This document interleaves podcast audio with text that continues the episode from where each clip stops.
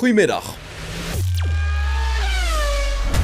Honda die blijft tot 2025 rijklare motoren leveren aan Rebel Racing, ondanks dat de Japanners de Formule 1 hebben verlaten. De fabrikant zou in eerste instantie alleen gedurende 2022 seizoen assistentie blijven leveren, maar deze deal lijkt met drie jaar te zijn verlengd. Rebel Racing heeft na het aangekondigde vertrek van Honda de intellectuele eigendom overgenomen. Het plan was om vanaf 2023 binnen het eigen motorproject Rebel Powertrains de krachtbron zelf te gaan ontwikkelen.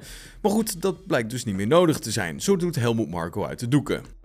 De motoren worden tot 2025 rijklaar gemaakt in Japan, dus we hoeven ze met geen vinger aan te raken. Dat wil zeggen dat de rechten en dat soort dingen bij de Japanners blijven, wat belangrijk is voor 2026, omdat het dan van ons nieuwkomers maakt. Zo zegt hij tegenover Autorevue. Dat laatste is belangrijk omdat de Formule 1 in 2026 nieuwe motorreglementen introduceert.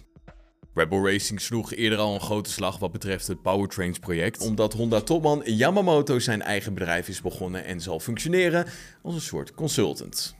En de Formule 1 zal met de terugkeer van Las Vegas een derde race in de Verenigde Staten aan de kalender voor 2023 toevoegen.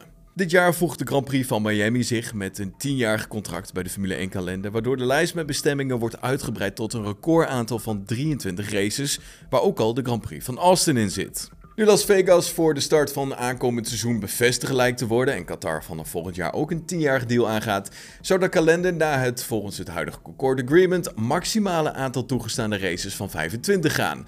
De exacte logistiek van het evenement wordt momenteel afgerond, waarbij alle partijen graag de beroemde strip van Las Vegas als onderdeel van het circuit willen gebruiken.